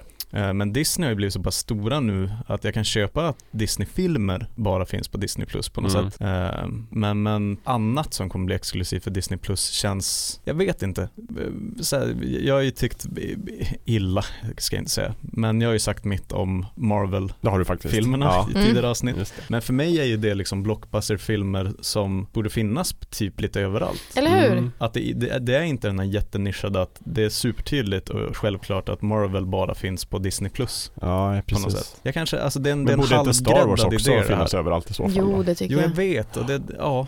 Det och var ska tycker man jag. dra, borde inte Simpsons finnas överallt? Jo, men den som, den som betalar Ja. licensen Ja, borde, alltså sagt- så här, Alltså skillnaden är väl att eh, det det här blir på något sätt första gången. Det hade ju kunnat sett helt annorlunda ut med strömmande tjänster att det fanns eh, Warner Brothers-tjänsten Mm. och så fanns det Universal-tjänsten Mm. och det fanns Paramount-tjänsten och Disney-tjänsten och att de här stora bolagen hade sina. Och då Mm. visste man att allt som det är en Universal snurrande jordglob på i början, det hittar man på där. Mm. Och det hittar man där. Eh, men nu ser det inte ut så. Nu är det Netflix och det är HBO och det är Amazon Prime. Mm. Det, jag, jag är inte helt på det klara med, med, med de här tankarna själv, men det känns som att det är någonting nytt när det är Disney som kommer in och gör en tjänst. För det är en annan typ av företag på något sätt. Jag vet inte riktigt, Mm. men det är också någonting man förväntar sig, precis som du sa, att det ska finnas på, alltså mm, om man bara väntar till länge så ska nästa Marvel-film komma på Netflix och så kan man kolla på den i typ tre månader, sen försvinner den. ja. Men den ska komma dit och den ska få finnas där. Men det, det blir som att de kommer, det kommer Ja. bli ännu svårare med, med liksom tv, eller filmtittandet. Men det, och det jag menar, det händer ju lite redan nu med andra, eh, Netflix till exempel nu med The Irishman, Martin Scorsese-filmen. Eh, det var ju samma sak med Roma, eh, Inarito, nej inte Inarito, eh, Quaron-filmen. Eh, när, när det började hända, för man tänker ju så att så här, det, är, det är en annan värld vi lever i när en ny stor fin film av en välkänd regissör släpps på bio och så sen så hittar man den plötsligt lite överallt efter ett tag. Ehm, och det håller ju på att så här, göra ringar på vattnet med Oscarsgalan, typ ska en Netflix-film kunna vara med och tävla om den inte har gått på bio? Mm. Allt sånt där. Det är verkligen eh, i så här, de rör ju om i grytan med hur film och tv-produktion fungerar. Och hur men så är det absolut. Verkligen. Men jag tänker också att, att det är ju så Disney på något sätt alltid har jobbat med sina filmer. Även liksom innan strömmande tjänster fanns. Till och med, även när de gick på bio så var det ju verkligen en stor grej av Mm. att de lyfte kontinuerligt sina gamla Disney-filmer och visade på bio igen. Mm. Och det gick inte att alltid se dem utan man kunde se dem ibland och då var det en stor händelse. Och sen Ja. tog de det vidare när de började sälja hyrvideo och VHS. Och det. Disney-klassiker. De Disneyvalvet och sådär. alls Att de såldes inte i butiker alltid utan det Nej. var under begränsad tid och det var alltid så här exklusivt. Mm. Det är sant, det kanske bara är en fråga om liksom hur, hur man upplever hur det känns för att det plötsligt är st- Ja, streamingtjänst. men jag tror att man, man snabbt trodde ett kort, eller i alla fall jag, att jag kort tag trodde där, nu kommer allting finnas tillgängligt hela tiden. Och sen kanske man behöver köpa en eller två tjänster, men Mm. på något sätt skulle allt gå att få tag på. Och så blev det inte så, så är det inte så. Och så kommer det nog aldrig vara så. Men jag vill ju kunna hy, alltså jag vet inte hur de har tänkt med Disney-filmer. Jag vill ju kunna hyra en Disney-film. Mm. Kommer jag fortfarande kunna göra det? Eller Vet kommer inte. det inte heller Jag vet finnas? Det inte. kanske Jag har bara finns på. Alltså om Disney jag var Disney så skulle jag fortfarande inte ha något emot att det fanns hyrfilmer på iTunes. Men menar, det är inte, idag är det ju inte säkert att alla Disney-filmer går att hyra där. Nej men precis. Och som sagt, när Cabaret går inte heller att hyra. Nej. Så att, Men vi kanske får sätta en liten sån så här minnes, eh, plantera någonting här. mm, Att vi vet att i november 2019, mm. då, visst, då var vi i något sorts skuggland. Ja. Så får vi bara återkomma 2022 Ja, precis. Och kolla hur vi, hur vi känner då. Då kanske vi helt assimilerats till den här nya tillvaron. Ja, just det. Och allt vi pratar om är bara Ja. Disney-filmer. Kommer bara det sitta och finns inget skratta åt annat. oss själva att vi pratade om det här en gång. Ja.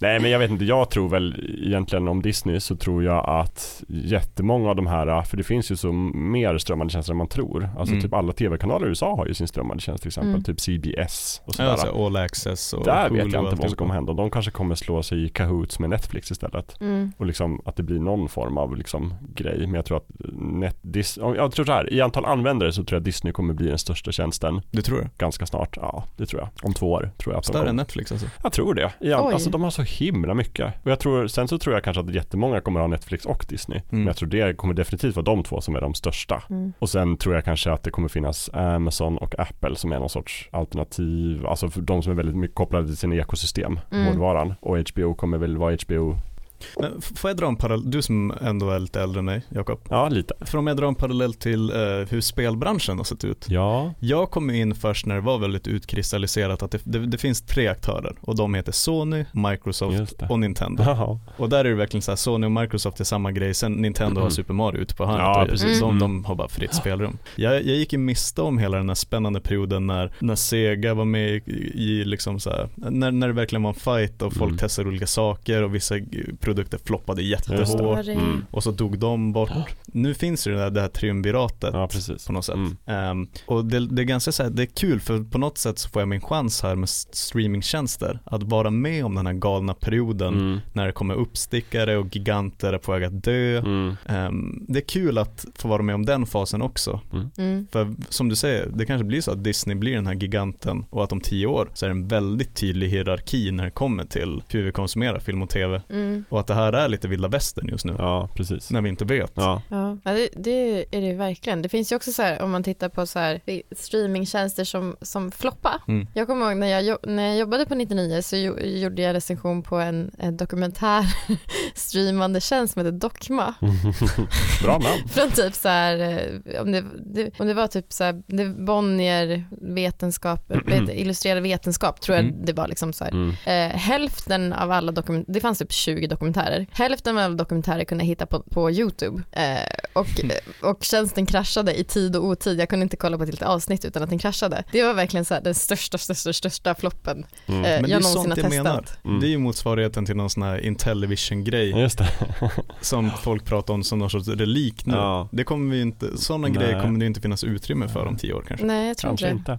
Men samtidigt så är det så här, alltså hur många behöver man för att ha en strömmande musik eller strömmande videotjänst? Alltså HBO, jag vet inte hur många prenumeranter de har, Mm. men det känns ju ändå som att de kan överleva liksom fastän Disney är det störst. Kanske inte kommer finnas 300 tjänster, men det kanske kommer finnas liksom Jag 10. tror, nej, 10 tror jag är för mycket. Tror du? Jag tror fem, typ Nej, men Det max. finns ju jätte, jättemånga människor på jorden. Jo, men Om alltså, alla ska ha Netflix, alltså uppenbarligen så kan folk som jag ha liksom 4-5 tjänster utan att dö. Men jag tror inte att det kommer vara, alltså precis som med spel, alltså jag tror inte att det kommer finnas, kom, det, ju mer det utkristalliserar sig så kommer det finnas alltså, några få väldigt, väldigt tongivande pop, men man kommer inte ha, det kommer inte finnas så här 20 strömmande, eller strömmande videotjänster att välja mellan, tror inte jag. Jag tror att det kommer bli färre och färre. Mm, 10 något då, sätt. sa jag ju. 10 tycker jag är mycket. Ja, Jag 20 är alldeles för mycket, 10 är för mycket. Hur många kommer det finnas? Jag tror 10. runt- jag tror 10. Jag tror runt 10 fem. då. Fem. Fem, fem Men till då är det ju bara Alltså, om jag Disney, inte räknar- Netflix, Apple, Amazon och HBO. Då finns det inga andra. Nej, jag vet inte om de kommer finnas kvar om tio år. Alltså så här,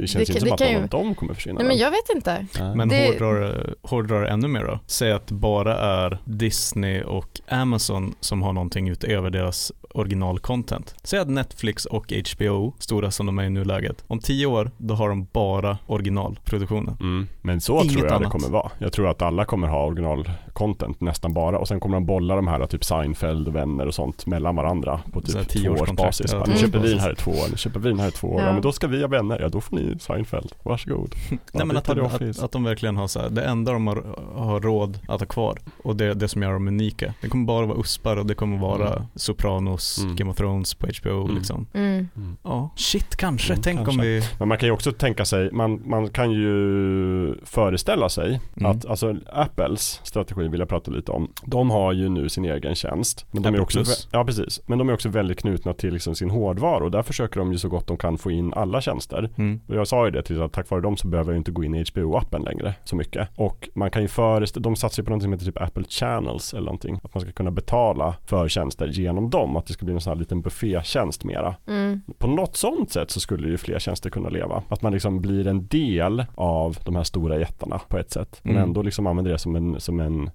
distributionsplattform om man vill ha en tjänst och göra sina bra produktioner. Men det kanske kommer bli en mycket mindre skala. Men frågan är hur man ska överleva. Alltså hur många som kommer ha, för att om, då antar jag att Apple tar en rätt stor bit av den kakan. Ja, jag vet inte hur mycket de tar. Eh, Det vet ingen. För, nej men när vi pratade förut om med Playmo så tog ju de, alltså köping till app, de tog ju det är ju procent. betydligt mindre än de 30 procenten i alla fall. Mm. alla, om man då pratar de här stora spelarna, typ HBO, Amazon och sånt. Där Mm. är det ju väldigt mycket storföretagsdeal. Däremot tror jag att de som kommer förlora på det, nu är det kanske inte lika överförbart musik, men alltså det är ju, de, det är ju artisterna eller de som skapar, för då kommer, då kommer liksom det här minibolaget, de kommer ta sin del av kakan och sen kommer Apple ta sin del av kakan och sen kommer kanske en tredje part ta sin del av kakan. Ja. Och det som blir kvar är liksom jättelite. Och samtidigt som det är nu så har ju de eh, regissörerna verkar ju må jättebra för de har ju möjlighet att göra sina grejer hos Netflix Mm. och hos Apple och hos Amazon och, liksom, och det är ändå verkar, ju- verkar ju vara mycket lättare än på den gamla tv-kanalstiden tycker Ja, jag. de Mm. pratar ju väldigt gott om det. Mm. Sen är det ju såklart hela skiftet från att filmbranschen, så fort någon gick över till att göra någon tv-produktion, då var karriären död på något Mm. sätt. Nu Det är det ju, det börjar ju nästan bli tvärtom. Ja det är ju verkligen ingenting negativt att ha gjort en Nej, tv-serie. nästan creddigare att slå Ja. igenom på Netflix Precis. än att Ja. eh, ha en bra film som gick bra på bio på Ja något verkligen. sätt. Ja, verkligen. Eh, och som sagt, och biofilm nu är ju så franchisat med, med Marvel och alltihopa. Mm. Att då, det blir ju nästan liksom tv-serier på bio på något sätt. Ja Mm. precis och det pratas det ju också om att det kommer bli väldigt mycket på Disney+. De kommer ju satsa väldigt mycket på sin Marvel-franchise, hör och häpna. Att det kommer bli Wow! jättemycket dyra tv-serier där så att de hoppas väl på att det kommer bli nästa Game of Thrones säkert. Ja. Mm. Eh, ja, spännande. Men ja, vi får ju absolut återkomma där nästan varje år med ett Ja, så här, vad, senaste på strömmande tjänstefronten och se hur många, räkna ihop också hur många som lever och hur, många de, hur mycket pengar de har. Ja, Och sådär. Men kan vi inte avsluta bara med någonting så här glädjefyllt och kanske så här, ta upp någonting som ni tycker är riktigt bra som ni upptäckt på någon strömmande tjänst och något som ni ser fram emot som kommer. Oh. Ja, jag Om kan, ni vill, alltså det är valfritt. jag kan ta, vanligt. när jag ändå varit inne på så här dokumentärspåret. Eh, jag tycker Netflix har en superduper mysig serie som heter Ugly Delicious som är ett matprogram som är som en lyxigare version av, eh, om ni har sett Worth It på YouTube, där de testar, de åker runt och testar mat och så, Mm. i Mm. olika prisklasser. Det är liksom samma så här mysiga, intima känsla, men de åker hela jorden runt för att kolla på typ olika koncept som så här, hur gör man pizza i Japan? Mm. Hur gör man den i Italien? Hur var så här, fusionmaten? Hur har kulturerna mötts? Eh, superdupermysig. Och den, den har liksom alla de här, det är verkligen en barn av sin tid. Nice. Jag, jag drog ju redan den X-ray-funktionen på Amazon Prime. Ja, Men jag får lägga till på seriefronten då, eh, Expanse, sci-fi-serien. det. Det kommer ju en ny eh, säsong när som helst Ja, i egentligen, december i december. på Amazon. Och den är så jäkla häftig ur ett metaperspektiv för att eh, den började ju inte på Amazon Prime. Den började, det var ju en eh, Sci-fi. Sci-fi. sci-fi Mm. serie. Och den hade ju, den bar ju spåren av att inte vara den här gigantiska Netflix original-produktionen. Ja. Eh, Så den är ju långt från felfri första säsongen. Charmig men lite så eh, speciell. Och så sen så blev den räddad, de la ju ner den. Så kom Jeff Bezos in och räddade den till Amazon Prime. Mm. Och den har man ju verkligen, den har gått resan från lite det äldre stuket av att göra en eh, tv-serie på till att verkligen anamma det här jättepåkostade produktionen Ja. för att tv, tv hamnar i finrummet. ja. Och nästa säsong ser ut att verkligen uppa allt från specialeffekter till, ja, så det ser jag nästan mest fram emot. Eh, och som sagt väldigt mycket ur ett, det är en väldigt bra serie tycker jag, men väldigt mycket så produktionsperspektiv. Eh, så ska det bli jättekul att se nästa säsongen, eh, The Expanse. Mm, på just det, verkligen. Är Kul. Eh, jag brukar ju ofta tjata om The Marvelous Mrs. Maisel, så jag behöver inte göra det den här gången kanske. Men den finns på Amazon och kommer också med en ny säsong i nu december. började, det var det första jag kollade på. Eh, exakt, bra. Jättebra. Bra jobbat. Mm. Eh, men däremot så ser jag jättemycket fram eh, Halton Catch Fire som du har tipsat om Amanda ska jag börja kolla på nu. Den jag är finns på så H- på den det finns här. på HBO tror jag. Mm, Jag har är inte riktigt tagit steget än men jag ska nu. Jag känner att det är nära nu. Jag har sålt in den länge. Det har du. Men annars så faktiskt den gladaste överraskningen som är min nya serie som jag börjar kolla på nu, den är på Apple TV+. Det är den här For All Mankind. Ah. Som är, de har grävt upp Ronald D. Moore, alltså Battlestar Galactica Ronald. Eh, och så gett honom en stor hög med pengar och sagt gör en rymdserie om typ en alternativ historieskrivning där eh, ryssarna, eller Sovjetunionen, är de första att landa på månen och rymdkapplöpningen liksom fortsätter in i 70-talet och vidare. Och då sa Ronald, ja det okej då, då gör jag, men då blir den så här. Och så blev den det. Och jag tycker den var faktiskt jättebra. Nu har jag sett, det är fyra avsnitt ute nu. Eh, och den är så här, eh, Alltså, jag vet inte, jag fattar ju inte Apple själva som har gjort tv-serien, men det är ganska klokt. Jag kan, det är så svårt, så de har inte gjort tv-serier tidigare, förutom Mm. typ Carpool Karaoke som, Som är var värdelöst. flopp. Ja. Gud vilken flopp. Men man kände en Usch. så här, "Åh, det är inte säkert att det blir bra, men de verkar Nej. ha liksom gjort det rätta, nämligen typ så här, låt Ronald göra det Ronald gör Mm. och sen bara betala räkningarna. Mm. Och den är liksom så här, jag tycker det är, eh, jag blev lite förvånad över hur genomarbetad den faktiskt är och att den är så himla bra i, bo, också, dels att det är så här, jag gillar ju alltid en god alternativ historia, historia. Mm. Oh. Eh, och- men att de faktiskt verkar gå in, jag klagade ju här om för några avsnitt på historiebeskrivningen i Yesterday-filmen. Japp. Här verkar de verkligen ha gjort sin läxa. Det är väldigt så här ah, subtilt och det är små förändringar som man märker så här bara, men vänta nu, sa de det där? Var det inte så här det gick till i historien? Och så googlar man på Wikipedia och ser man, ja just det, så var det. Men det betyder att, ja just det, eftersom det hände i det där avsnittet så har ju inte det hänt och då lever ju den där personen och plötsligt så, så kan Robert Kennedy bli eventuellt president liksom 1975 och det är Mm. så här, wow, det ska bli spännande att se vart den tar vägen. Mm. Men också att de verkar ha tänkt jättemycket på det här med representation och sådär. För eh, klassiska när man pratar om så här rymdkapplöpningen är ju att alla är män. För att det var så på män. NASA liksom. Men att de faktiskt har grävt upp det här projektet som heter Mercury 13 som var typ 13 kvinnliga eh, piloter som gick igenom grundträningen i astronaututbildningen också. Och i verkligheten inte fick chans att åka ut i rymden. Men här, eftersom att Sovjet som en mediastant sätter en, en kommunistkvinna på månen Mhm. så blir det Och så här. Först sätter de eh, Alexej Leonov på månen och sen typ bara kort senare så bara här är en kvinna också. Eh, och då blir NASA så här, åh då måste vi också ha kvinnliga astronauter. Och sen så gör de det, men det blir inte bara så här en sökt anledning för att få in kvinnor utan det är faktiskt, det handlar om också, alltså vilka problem det innebär och vad det Mm. får för konsekvenser i så här, man ser jättemycket liksom, hela den här medborgarrättsrörelsen får en annan ton och liksom, det blir Mm. jättespännande. Bara så här, oh, det här är imponerande tycker jag. Det är en väldigt bra serie tycker jag, kul. Nu blir man nästan sugen på att skaffa det. Kan Mm. du och jag, Jakob, också rekommendera The Man in the High Castle som också släpper en ny säsong? Eh, Det kan vi väl göra. Eh, för, för där tycker jag också att Amazon är inne i den här första vågen av originalserier fortfarande Ja. på något sätt. Och den har ju nått en viss mognadsgrad. Mm. Så den kan ju faktiskt bli bäst hittills Ja. kanske. Ja, det är fortfarande en riktigt, riktigt bra Och serie. det är ju det är också eh, en fiktiv historieskildring Ja. Av hur andra världskriget hade kunnat sluta. Precis, verkligen. Och, men med ganska mycket liksom science fiction-inslag Ja, också kan man oh väl säga utan att spoila. Eh, Men absolut, Mm. den är väldigt bra. Så, och det är liksom ändå så här, någonstans så känner jag att det är ändå trevligt att man kan se så här mycket coola, roliga, intressanta, bra, spännande tv-serier. Mm. På det sättet är det bättre. Jag skulle inte vilja backa bandet till liksom 1985 när det fanns ettan och tvåan och kanske satellit-tv om man hade tur. Och Gurra var Nej. inte född. Och Gurra, vilken tråkig podd det skulle ha Vilken blivit. tråkig. Ja, och du var inte född heller. Nej, inte jag heller. precis.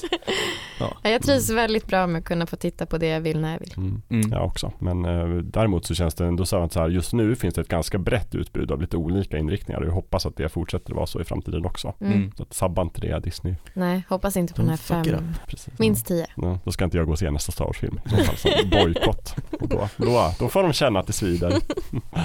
Ja, Är vi, är vi klara för idag? kanske vi Eller är. vill ni Jag avsluta med någonting? Vill ni kasta in något vedträ på brasan så här i sista stund? Wow, vad skulle det vara? Ehm, Vad ska ni kolla på när ni kommer hem? jag, ska, jag ska gå på bio alldeles strax. Härligt? Mm. Kolla på Pedro Almodovar, hans nya med Antonio Banderas i huvudrollen. Snyggt. Ja. Men annars ska jag nog inte kolla på någonting. Jag lyssnar ju på eh, Hardcore History. Så är precis du eh, Mm. länkade och sa nu finns det ett nytt avsnitt av Supernova in the East. Precis, del tre. Fyra timmar och 58 Exakt. minuter. Oj, Podd, härligt. herregud. Om, eh, egentligen om Japan i andra världskriget. Men Ja. han börjar ju på typ Sengoku-eran med samurajer för att förklara att varför, Mm. varför blev det som det blev i andra världskriget. Mm. Så nu är, vi, nu är vi inne där i 1942 någonstans. Eh, och det går fortfarande ganska bra för Japan. Men ja, det, det slutar ju inte så. Så bra. Nej. Men fantastiskt bra, väl researchad. Mm, väldigt bra podd, väldigt bra podd. Ja, Mm. podd, förlåt. Nej. Jag tänkte bara säga att det är det enda medieformatet jag inte har något ont att säga. Älskar podcast. Jag med. Fantastiskt. Bästa mediet. Jag tror att jag ska åka hem till min syster efter det här. Då kommer jag antagligen se på Jane the Virgin Ah, eller RuPaul's. Drag Race, Mm. vilket är de vi växlar mellan och kollar på Mm. tillsammans. Ja, speciellt RuPaul's Drag Race. Eh, shit vad jag vill koll- börja kolla på den. Ja, men Alltså, det är också det är så som fantastiskt. du med The Crown. Ja. Den bara ligger där på Ja. li- listan. Du Otroligt. skulle kunna hoppa över första säsongen för den har ett konstigt skönhetsfilter där allting är så glorier runt Aha. det. Men jag kan tipsa dig om de bästa säsongerna. Ja, do- it. Eh, jag tror jag ska kolla på avsnitt fyra av eh, Watchmen. Mm, jag måste jag. vänta till på onsdag. Ja, och kollat tillsammans med någon. Mm, härligt. Får inte tjuvkolla. Nej, nej, nej, det får Nej. man inte göra. Men det låter som att alla tre ska idka ful och fin kultur Ja, absolut. Så det, det blir väl ett avsnitt till någon gång. Ja, det blir det nog. Ja, det Med blir saker det. om. Ja. Då. I- eh, Förr än i anar kanske.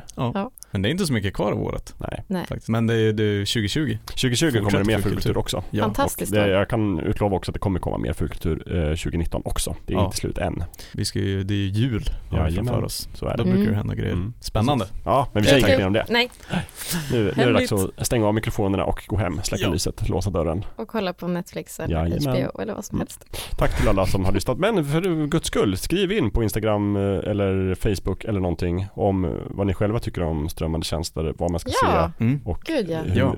och Disney och så vidare. Alltihopa, det är allt som jag pratat om. Ja. Pitcha in för guds skull. Jag vill också- framförallt veta om det finns någon sån X-ray motsvarighet som jag aldrig upptäckt på någon Ja. annan Mm. tjänst. Men också om ni kommer på saker som ni bara, men varför pratar de aldrig någonsin om det här ämnet? Nej, exakt. Mm. Skriv det till oss Mm. också. Som det brukar vara ofta, att vi Ja. säger Ja. oj då, det var en stor lucka som vi glömde. Ja. Då tar vi på oss det så är vi bättre nästa gång Då kanske. brukar vi oftast göra det. Precis.